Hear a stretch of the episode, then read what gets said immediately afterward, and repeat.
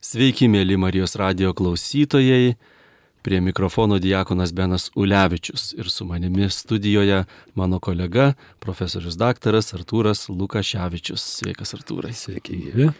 Kągi mes džiaugsmingomis širdimis tęsėme mūsų laidų ciklą apie Klaivo Stapleso Liuiso knygų seriją Narnijos kronikos. Žinote, kad esame entuziastai šios knygų serijos ir apskritai visos Liuiso kūrybos, kurią taip pat labai rekomenduojame skaityti, nes tos knygos stiprina tikėjimą, tikrai atveria labai gerus minties horizontus, duoda iškumą šiame sudėtingame mūsų gyvenime ir krikščionio kelionėje. Bet dabar kalbame apie Narnijos kronikas. Jūs jau girdėjote laidą apie pirmąją Liuiso parašytą šioje serijoje knygą Liūtas, ragana ir drabužių spinta. Knygą, kurioje pasakojama, kaip Pevensių šeimos vaikų nuotykiai Narnijoje prasidėjo. Jei negirdėjote, tai labai e, kviečiame paklausyti, nes bus aiškiau ir apie ką kalbėsime toliau. Tame pasaulyje viskas vyko sniege, žiemos apsuptyje, taip derantis e, pasakojimas su kalėdų laikotarpiu, o šiandien mes e, persikelsime į visiškai kitą pasaulį, dvelgiantį dykumą, karščiu, rytietiškų miesto koloritų ir pamatysime, kaip sekėsi berniukui šastai keliauti su žirgu briniu į svajonių šalį, kuri be abejo yra Narnija.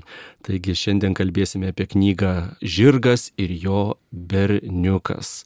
Be abejo, mėly klausytojai, jau žinote, kad mes negalime išvengti tam tikrų detalių atskleidimo. Tad patys pasirinkite, ar klausysite šias laidas jau perskaitę knygą, ar išgirskite laidą ir gal ji labiau sudomins jūs imtis šios knygos skaitimo. Galim tikrai nuraminti, kad galima ir dešimt kart skaityti šias knygas šią knygų seriją skaitai ne vien todėl, kad sužinotum, kas bus toliau, nes tikrai labai daug minčių, labai daug prasmės sluoksnių, labai gyvas pasakojimas, gyva istorija. Taigi, Artūrai, apie ką ši knyga Žirgas ir jo berniukas. Pats pavadinimas jau keistas. Paprastai mes kalbam apie berniukus ir jų žirgus, o ne žirgus ir jų berniukus. Aš tai drąsinčiau paklausyti laidą, aš taip daryčiau. Man tada sužadina domėjimąsi, užkabina keletą minčių ir visai nesugadina skaitimo proceso. Ir man labai patiko šitą knygą. Vis tiek, nori, nenori, yra tam tikros tokios labiau mėgstamos. Tikrai esu didelis fanas Liujiso, labai man patinka Narnijos kronikos. Tai Žirgas ir jo berniukas yra viena iš man jau šitoj labai mėgstamoj serijoje, dar prie mėgstamiausių šitą knygą yra tas e, kelionės motyvas labai stiprus, kas vėlgi atitinka ir mūsų gyvenimą kaip tikėjimo kelionę su Benu truputį kalbėjom, mums be galo svarbu pamatyti save kaip tam tikro testinio pasakojimo dalį. Kitaip mūsų gyvenimą net nežinau, tampa fragmentuoti ir, ir kažkaip tai pameta nuoseklumą. Mums reikia ir mūsų visuomeniai, ir vakarų civilizacijai, ir kitoms civilizacijoms reikalingas pasakojimas, kurio dalis mes suprastume, kad esame. Kadangi vakarų pasaulis krikščionybės stipriai purtosi, tai netenka to pasakojimo ir tada daugybė dalykų pameta savo vietą, savo eiliškumą ir, ir savo tapatybę, prasme ir taip toliau. Tai tas prasmės reiškia, tas pasakojimas mums visą šitą sugražina. Na va ir čia, kaip tu benai sakai, kartuojam tikrai, aš skaitęs Narnijos kronikas mažiausiai tris kartus turbūt ir gal ir daugiau, atskirus fragmentus tikrai daug daugiau. Kodėl nenusibosta skaityti? Man atrodo, čia kažkas panašaus kaip vaikai, kurie klausosi tą pačią pasaką keliasdešimt kartų aš vaikystėje iš savo močiutės atsimenu į savaitę išklausydavau turbūt tam tikrą pasakų seriją, kuri kartojasi kas savaitę arba dažniau ir nenusibosta. Kodėl? Nes tas pasakojimas ne tai, kad suteikia informacijos, jisai panardina tave į tam tikrą istorijos tiekmę. Tu tampi pasakojimo dalimi. Ir štai tos Narnijos kronikos yra tikrai jau aš žinau, kaip sakant, jau perskaičiau. Tai čia viena iš tų knygų, kurias galima skaityti ir reikia skaityti ne vieną kartą, nes jų tikslas nėra suteikti informaciją, bet yra mus, ko gero, prisideda prie mūsų krikščioniškosios transformacijos. O jeigu skaito žmogus nekrikščionis, vis tiek jame daro tam tikrus gerus dalykus. Jo širdyje, jo simbolinėje sistemoje, mūsų tie giluminiai simboliai, kurie sunkiai vardinami yra, bet mes turim tam tikrus tokius kodus kas yra geris ir blogis, kas yra tikslas, kas yra tėvynė, kas yra vyras, kas yra moteris, kas yra motina, tėvas ir taip toliau. Tai va tie užkoduoti giluminiai kodai, jie mumise atsiranda per pasakojimus, per prasmingus pasakojimus. Tai ta knyga drąsiai siūlau skaityti ne vieną kartą, klausykitės laidą apie ją ir, ir vėliau skaitysite ir tikrai džiaugsitės. Taigi knyga pasakoja apie berniuką Šastą, tokioje Kalormeno šalyje, kuri yra labai į pietus nuo Narnijos. Visiškai kitas kraštas. Ir Šasta, kiek prisimena savo gyvenime, visada vadino tėvų neturtingą žvėją. Bet keista, gyvena Kalormeno šalyje, kur visi gyventojai tamsaus gymio, bet Šasta yra šviesia plaukis ir kažkoks įtarimas, kad jis gal ne iš čia, kažkokia paslėpta čia istorija ir jį kamuoja šiaurės ilgesys jis slapčia puoselėja tokią svajonę, kada nors ištrūkęs e, keliauti į šiaurę, apie kurią paklausė savo to tėvo e, vadinamojo, nelabai ką sužino, kalormeniečiai bendrai apie Narniją ir Šiaurę turi labai blogus įspūdžius, sako, kad tai šalis pilna demonų, ten dar toks baisiausias demonas liūto pavydalu kažkoks yra, nes kalormeniečiai turi savo dievą Tašą, Ir taip nutinka, kad e, šastos keliai susikryžiuoja su žirgu, briniu, kuris pasirodo yra kalbantis, Narnijos arklys, neaišku, kodėl atsidūręs kalormenė, nes kalormenė gyvūnai nekalba. Brinis taip pat turi svajonę keliauti į Narniją ir štai prasideda jų nuotykiai. Ir knygos moto, galima sakyti, ir yra nuolat kartojamas į Narniją, į šiaurę aišku, pakeliui įvyksta labai įvairūs nuotykiai.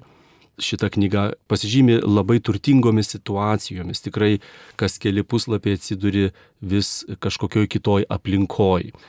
Ir iš tikrųjų galima matyti šią knygą, nors ji yra nuotikinis pasakojimas, bet taip pat ir tam tikra alegorija.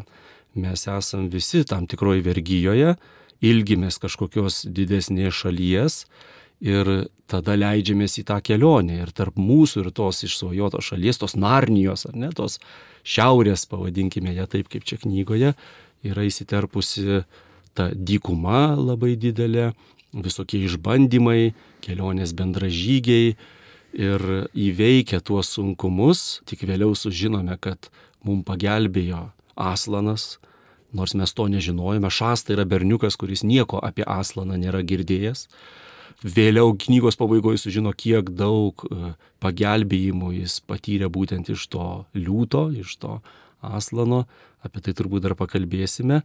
Ir kelionė atveda į kalnus, į žalumą, į tą Narnijos gaivų pasaulį kalnuose ir kalnai visada Liujisui asocijuojasi ir jis rodo juos kaip dangaus provaizdį. Čia galėtumėm taip sakyti, kad tikrai labai daug alegorinės prasmės iki pat detalių. Bet bendrai tai yra nuotikių knyga ir turbūt pirmą kartą ar antrą kartą skaitydamas aš taip pat ją pirmiausiai mačiau kaip nuotikių knyga, kurioje yra taip pat ir Narnijos pasauliui būdingi bruožai, pavyzdžiui, Dievas tapęs liūtų. Yra toksai paslaptingas čia veikėjas, bet bendrai tai berniukas šasta leidžiasi į kelionę kas Artūrai tau pirmiausiai apie šitą kelionę, apie šitą nuotykį kalbant, kokie momentai labiausiai, na, įsimintini pasirodė ir į ką verta atkreipti dėmesį. Dykuma, tikrai čia alegorija Izraelis dykumoje, mes dykumoje, ši žemė yra tam tikra dykuma, esame bažnyčia Dievo tauta keliaujanti per dykumą ir kliūtis į pažado žemę, kurią šiuo atveju simbolizuoja Narnija, yra ta dykuma ir tas miestas Kalarmeno sostinė Tažbanas. Ir man dabar tik tai prisiminė, jog žengiant Izraeliui į pažado žemę irgi buvo Jericho miestas, klestintis vienas iš seniausių pasaulio miestų. Ir jisai stovi skersai kelio, jo neapeisi, teks jį kažkaip tai įveikti. Tai Tažbanas yra Tašo miestas, kurį teks įveikti. Dievas Tašas yra paukščio pavydalu Klaikus paukštis su tokiam keturiom rankom, jis toks nu, be abejo, būnas, negali būti galva. Ne, ne, ne, čia tau nebus e, taikus karvelis be abejo. Vėlgi tai iš tokios religijotrinės pusės žvelgiant, tai tas Dievas įgalina fizinę galę, jisai galingas greuti yra, jisai įkvepia baimę. Tai būtų ta kelionė ir man šita knyga įdomi tuo, kad pagrindiniai herojai patiria transformaciją. Ta kelionė yra Aslano sąjungininkas, tie sunkumai, kuriuos mes patiriame, dažnai paaiškė, kad pats Aslanas juos ir stumtelėjo, kad jie ten atsirastų mūsų kelyje, nes juos įveikiant vyksta mumise labai svarbus procesai, kurie mus ruošia dangui, mus daro gebančius gyventi tą naująjį gyvenimą. Ir patiria transformaciją Aravisė, Šastos, bendra keleivė, ir žirgai patiria įdomiausią transformaciją, kurią patiria brinis. Galingas, savim labai pasitikintis, e, labai geros nuomonės ir, ir tikrai turintis labai gerų savybių, bet daugybė jokingų nesusipratimų, kuriuose jis atsiduria, jį pastato į teisingą padėtį savęs paties atžvilgiu. Tai atsivertimą patiria ne tik tai žmonės, bet ir kalbantis gyvūnai, kurie Liuiso Narnijos kronikose e, iš esmės yra asmenys ir jie, jie taip pat keliauja savo vidinę kelionę. Tikrai Brinio istorija jaudinantys karo žirgas, jis yra kovos žirgas, ne bet kaip. Ir kovos žirgas be abejo turi nugalėti visus narsa. Ir pasirodo, kad lemiamą akimirką, kai tikrai tos narsos prireikia, jį narsa nurungia šastą.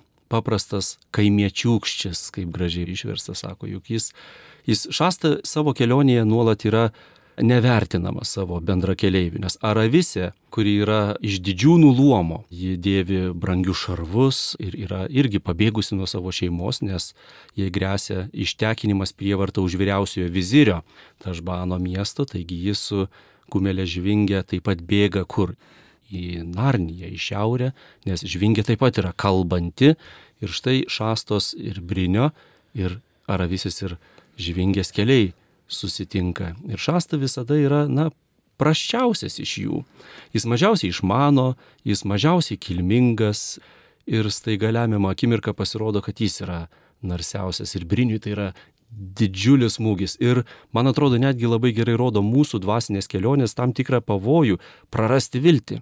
Nes brinis tiek svajojas apie Narniją, jis taiga supratęs, kad jis neadekvatus, jis įsivaizdavo, kad jis atitinka Narnijos standartus, jis yra nuostabus, jis yra šventas, sakykim taip, ir tada jis ten sumaitotas to savo baimės, netikėtai pasirodžius, jis ten kamputyje tūno ir sako, aš trauksiu atgal į Kalormeną. Viskas. Mano kelionė baigėsi. Kaip aš galiu pasirodyti tiem kalbantiem Narnijos žirgam, apie kuriuos tiek svajojau. Mano ir uodega išpešiota, aš ir apleidau savo bendrakeleivius, kai labiausiai manęs reikėjo, šitas berniukas šasta pasirodė, vatys ir vertas Narnijos. Ir tada Brinio laukia pokalbis su Aslanu, nes mes nekalbam apie mūsų vertumą, ar ne, ateiti pažadėtą žemę. Aslanas yra vertas, Dievas yra vertas, o mes esam tiesiog laimingi, mums pasisekė, kad mes esam kviečiami tokie, kokie esam. Tai man atrodo, čia labai jaudinanti ta akimirka. Tikrai ir tas Brinio egocentriškas žvilgsnis į save, teisingai įvertinant savo nevertumą, bet nematant, kad yra daugiau. Tikrai nu, nuostabi šita scena. O šasta visiškai puikiai susitaiko su savo kaip šitoj kompanijoje žemiausią padėtį užimančiojo ir paaiškėjo, kad šita jo starto aikštelė yra geresnė už Brinio. Šasta iš savęs iš esmės, kaip galima būtų sakyti, nieko nesitikė. Jisai neturi ką duoti, nes jisai yra kaimietis, jisai yra nekilmingas, visi kiti trys yra kilmingi. Ir kaip pirmieji bus paskutiniai ir paskutiniai bus pirmieji. Ir Brinis turi šansą ir tą šansą prieima. Jisai supranta, kas yra kas, kad jisai būdamas tas didingas karo žirgas vis dėlto nėra pilnai iš savęs tinkamas dangui. Tai yra narniai. Časta taip pat turi savo žaizdą, kaip pasakyti. Jis, e, na, kadangi jis supranta, kad jis nieko nevertas, jam dažniausiai krenta didžiausias krūvis, kai reikia kažką atlikti, taip kažkaip išeina. Net ir tada, kai jau visi išsekė ir praradė visas jėgas, būtent šastai tenka vėl bėgti ar čanlandai spėti dėl priešų prisartinimo ir tada jis išgirsta tik tais pasakymą, kad taip, kas padaro gerą darbą, dažniausiai atlygių gauna dar vieną gerą darbą padaryti ir jį pradeda kamuoti savigraužą. Maždaug kodėl, mhm. kodėl man visą laiką, kodėl čia taip ir labai gražiai čia tie visi herojai, jų transformacijos persipina. Aravisiai reikia iš tokio šalto išdidumo, nors ji labai ištikima, ji teisinga, bet jai reikia taip pat patirti tam tikrą atjautos momentą, nusižeminimą. Brinį jau aptarėme, o šastai reikia kaip tik tam tikro pasitikėjimo savimi ir labai įdomiai Birinio ir jo Brinio Narnijos įsivaizduojama tokia patirtis ir šastos visiškas nepatyrimas, ką reiškia joti kovo žirgu. Čia ir prasideda toks, sakytumėm, šventosios dvasios darbas. Jie vienas kitą šlifuoja. Ir tas pavadinimas - žirgas ir jo berniukas. Brinis iškart sako, gerai, mes josime į Narniją, bet aš esu kalbantis Narnijos žirgas. Šasta, tu nieko nemoki, tu nemoki joti. Neįsivaizduok, kad tu galėsi vadelės valdyti. Čia tik dėl vaizdo. Aš valdysiu. Tu mano berniukas. Čia ne, ne aš tavo žirgas ir šasta krenta nuo brinio nuolat, nuolat ir brinis nevengia iš jo taip nepiktai pasišaipyti. Globėjiškai. Ir, taip, globėjiškai ir šasta palaipsniui įgyja tam tikro narniško kilnumo, tam tikrą tiesos supratimą, teisingumo supratimą, atranda ir pasitikėjimo savimi truputį, na, gražiai tos istorijos persipina, neveltui juos ir suveda apvaizdą į vieną kelionę. Tai mes sakėm, kad moto šios knygos arba pagrindinis šūkis į Narniją į šiaurę, o viena iš pagrindinių temų, nežinau ar turi, man atrodo, yra apvaizdos tema. Mhm. Vis dėlto apvaizdos. Aslano čia beveik nematai, bet jis nuolat, nuolat ten yra. Taip, Taip tikrai.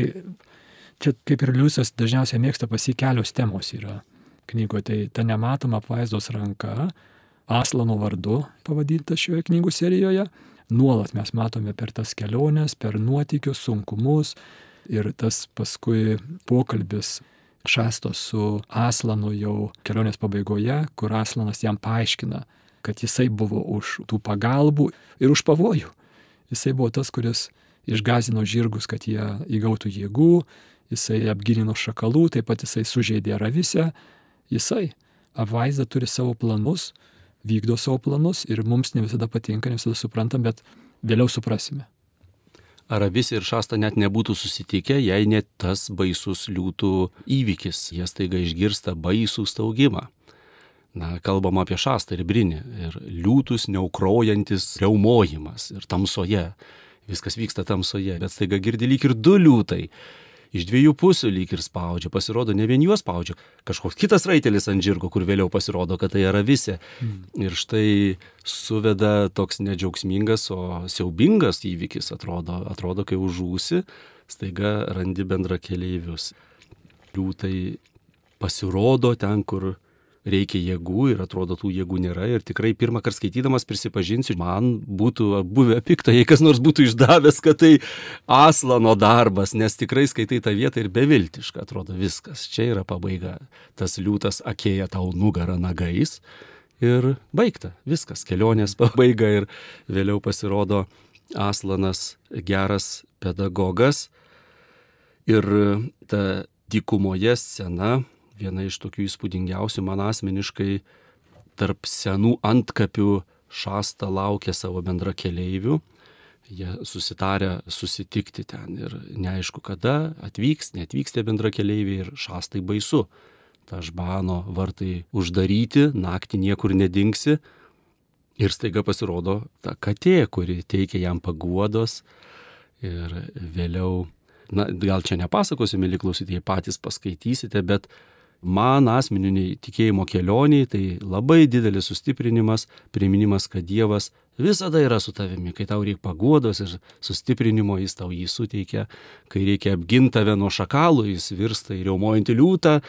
Ir paskui gali būti vėl ta jauki katė, nes nejauku tarptų antkapių su juodom skylėm, neaišku, kas iš jų išlys, gal ten tie kapknisos kažkokie Ir čia liuisiškas momentas. Tiek paminėta kartų tie kapknisos ir aš vis laukiu, kada jie pasirodys, kažkokie kraupus, matyt, kas ten net neaišku kas.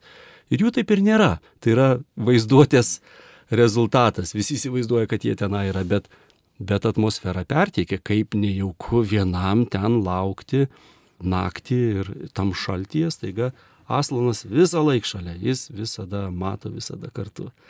Man draugas yra prieš kokį dešimt metų tokią frazę pasakęs. Sako, jeigu tu žinai, kad Dievas tave vedė iki šiol, kodėl abejoju, kad jis tave toliau ves. Tai štai tas Aslano buvimas su šasta, kuris vėliau paaiškėja, kad Aslanas visą laiką, pradedant nuo tos valtelės, kuri atplukdė šastą pas tą žvėją ir per visą tą kelionę ir visą laiką Dievas yra šalia. Tai duoda viltį į ateitį. Gyvenam labai laikais, kai tos vilties mums labai reikia, kad žvelgtume į ateitį Kitas personažas įdomus, šitoje atsivertimo reikalaujančių asmenų grupėje. Šastai reikia pasitikėjimo savimi, jo žirgui truputį nulipti nuo piedestalo ir save truputį kukliau vertinti, ar visiai vėl tam tikro e, žvingi. Žvingi yra visės kumelė, kuri labai realistiškai vertina save kukliai, kai reikia atlieka darbą puikiai. Ir vat, būtų žmogus, kaip asmo šiuo atveju žirgas, simbolizuoja tikrai mūsų gyvenime, yra tokių žmonių pilna, kurie kažkaip tai savo ramiai, tyliai daro savo darbą ir gerai padaro, ir neina į priekį, ir nemato iš savęs kažkokio tai labai karo žirgo, kažkokio tai.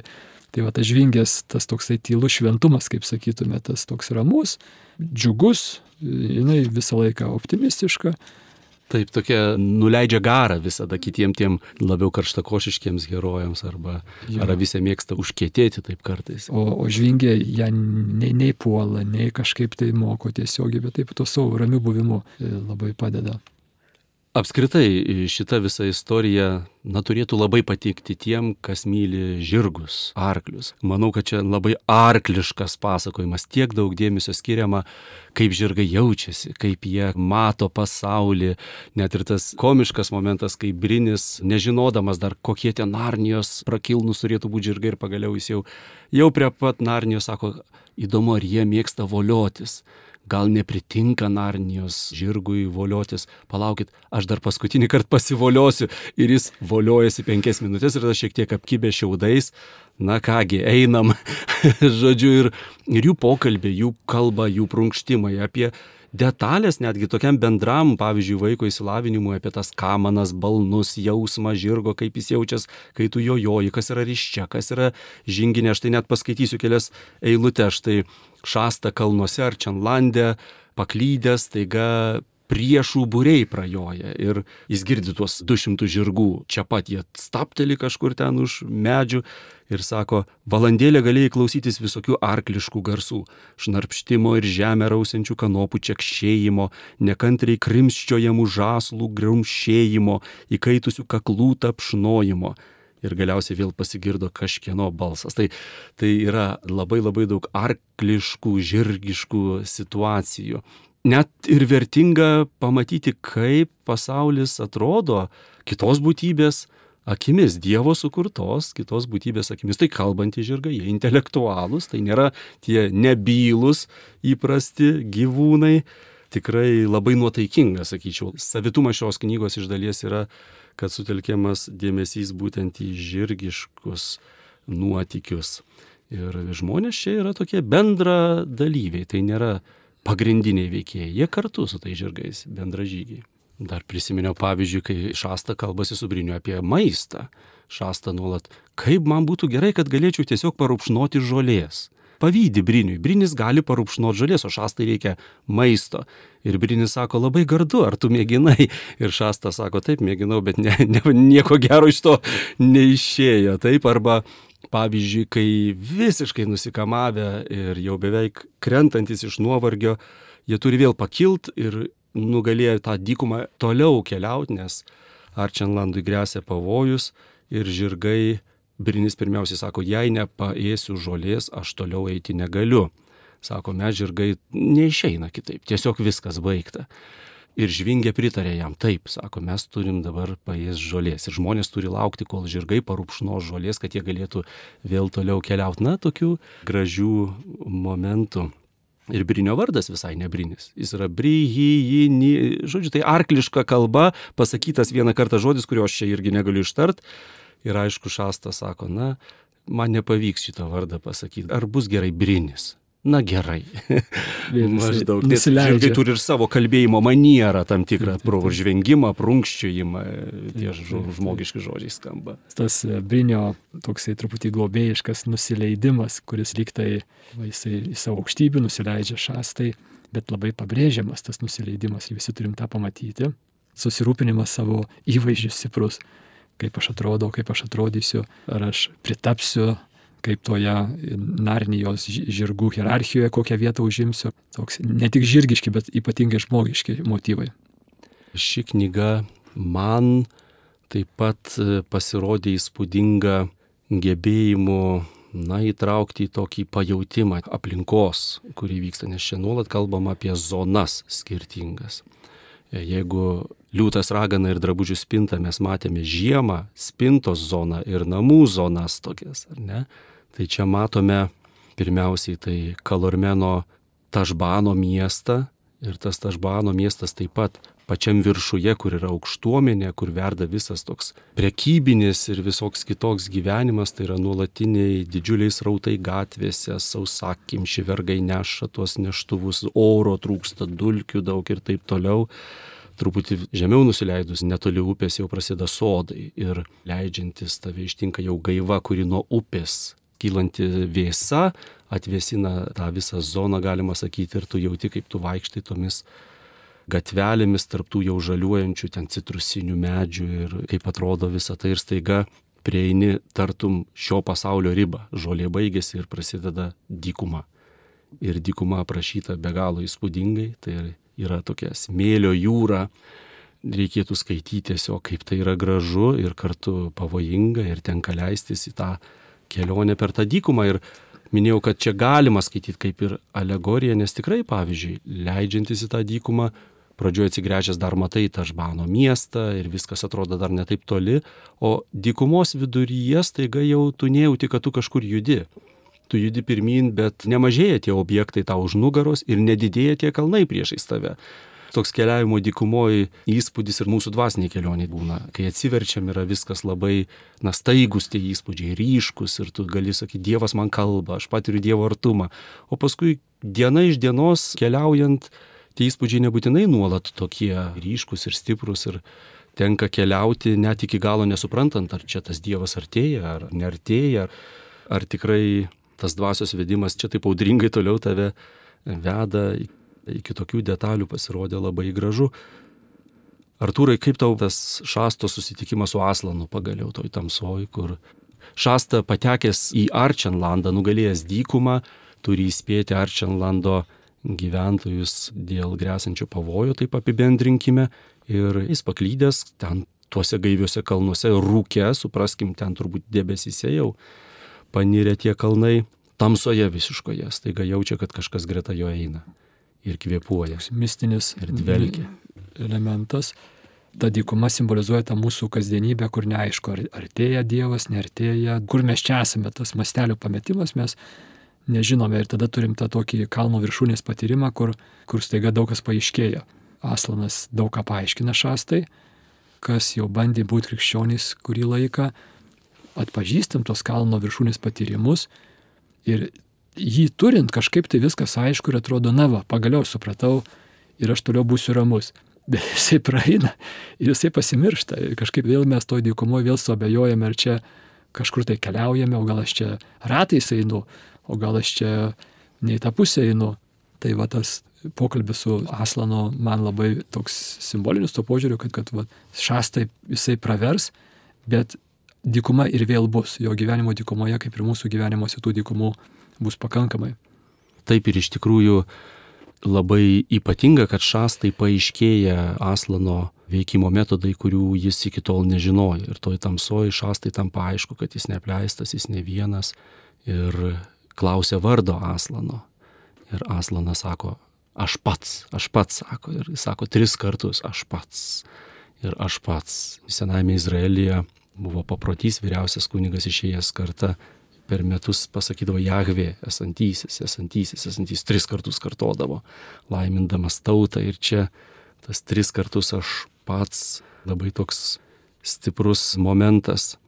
Tada Aslanų išnyku šasta atsitokėjo, esas vienui vienas, tik tai su žirgu ir tartum nuo atsimainimo kalno. Čia buvo šviesa, Aslanas švytintis ir jis kalba su šasta ir paskui tu vėl vienas, bet tu vienas jau kitaip. Jau tu vienas atpažinęs Jėzaus veikimą, tu vienas jau ne vienatvėje, bet tu vienas esi kitaip nei prieš tai buvai vienas, ar ne? Tai kas dar? Mhm. Mhm. Labai įdomus Kalormeno šalies valdovo Tisroko sūnaus Rabadašo paveikslas man asmeniškai. Jisai yra tipiškas didžio valdovo sūnelis, įnoringas, aistringas, geismingas ir jisai įsimylė, įsižiūri Suzaną, Narnijos karalienę, viena iš pevensių. Na va, ir ta jo aistra tikrai tokia karšta košio vyro ir Suzana nenori šio tekėti. Tada šita aistra taip pat pavirsta pykčiu, su stipriais žodžiais ir keiksmažodžiais, kurių Liujisas paminė, kad yra. Šunies dukra, sako. Bet ne, jis sako, o kitų nesakė, ne, ne, negražu rašyti būtų. Ir štai Rabadašas pilnas pykčio vejasi, nes Suzana pabėgo su karalium Edmundu ir dabar Rabadašas pilnas pykčio su savo kariuomenė vejasi ir irgi kelionė. Irgi susitinka Aslaną ir neįvyksta atsivertimas ta jo misija tokio politinio gudravimo tenais yra, Tisrokas sako, aš leidžiu, bet negaliu to deklaruoti, jeigu tu pralaimėsi, aš išsižadėsiu šito tavo žygio.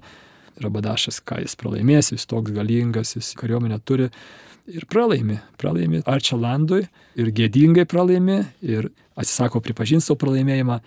Jis tiesiog e, šoka iš aukštai, rėkdamas, tašo kirtis tegul krinta ant tavęs mūšio metu ir staiga pakimba netyčia už šarvų ant kažkokio kablio ir lieka kybot.